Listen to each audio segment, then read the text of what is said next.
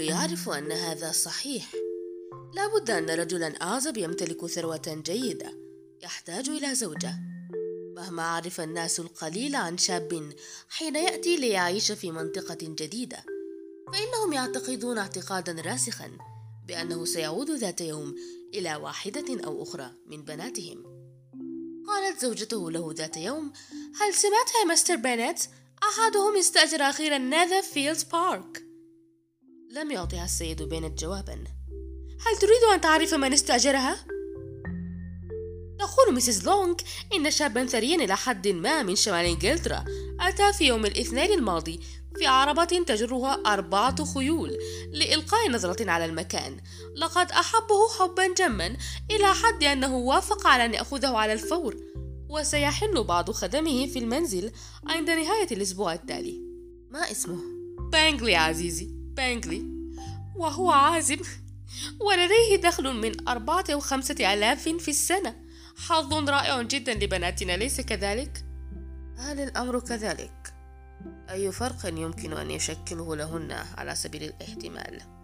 عزيزي مستر بنت كيف يمكن أن تسأل سؤالا كهذا؟ من المؤكد أنك تعرف بأنني أفكر في تزويجه إحداهن ولهذا يجب أن نذهب ونزوره حالما يأتي لا أرى سببا وجيها لذلك.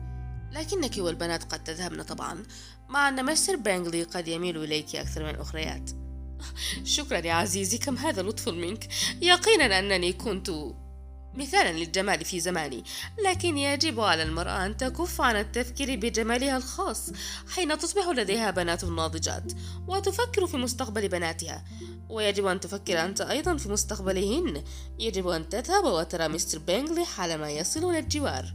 لا يمكنني أن أعد بهذا لكن قد أطلب منك أن تأخذي رسالة إليه. تخبريه بأنني سأكون سعيدا بالموافقة على أن أدعه يتزوج أي واحدة. من البنات التي قد يختارها. مع أنني سأوصي بكلمة طيبة بليزي الصغيرة. لن تفعل شيئا كهذا. ليزي ليست أفضل من الأخريات. ليست بنصف جمال جين وليست بنصف طبيعة ليديا الطيبة. لكنك دائما تعطيها الأفضلية. ليست لدى أي منهن الكثير مما يوصى بهن.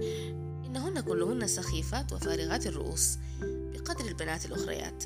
لكن ليزي أذكى من أخواتها. Mr. بنت كيف يمكنك أن تتكلم عن بناتك بهذه الطريقة؟ إنك تستمتع بإزعاجي أنا أعرف هذا. أنت لا تفكر بأعصاب المسكينة حين تقول أشياء كتلك.